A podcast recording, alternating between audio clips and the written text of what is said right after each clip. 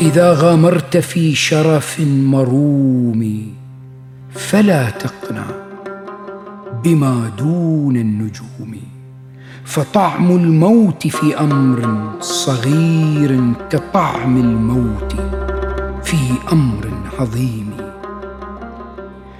ستبكي شجوها فرسي ومهري صفائح دمعها ماء الجسوم.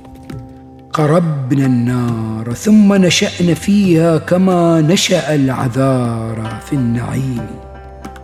وفارقنا السياقل مخلصات وأيديها كثيرات الكلوم يرى الجبناء أن العجز عقل وتلك خديعة الطبع اللئيم.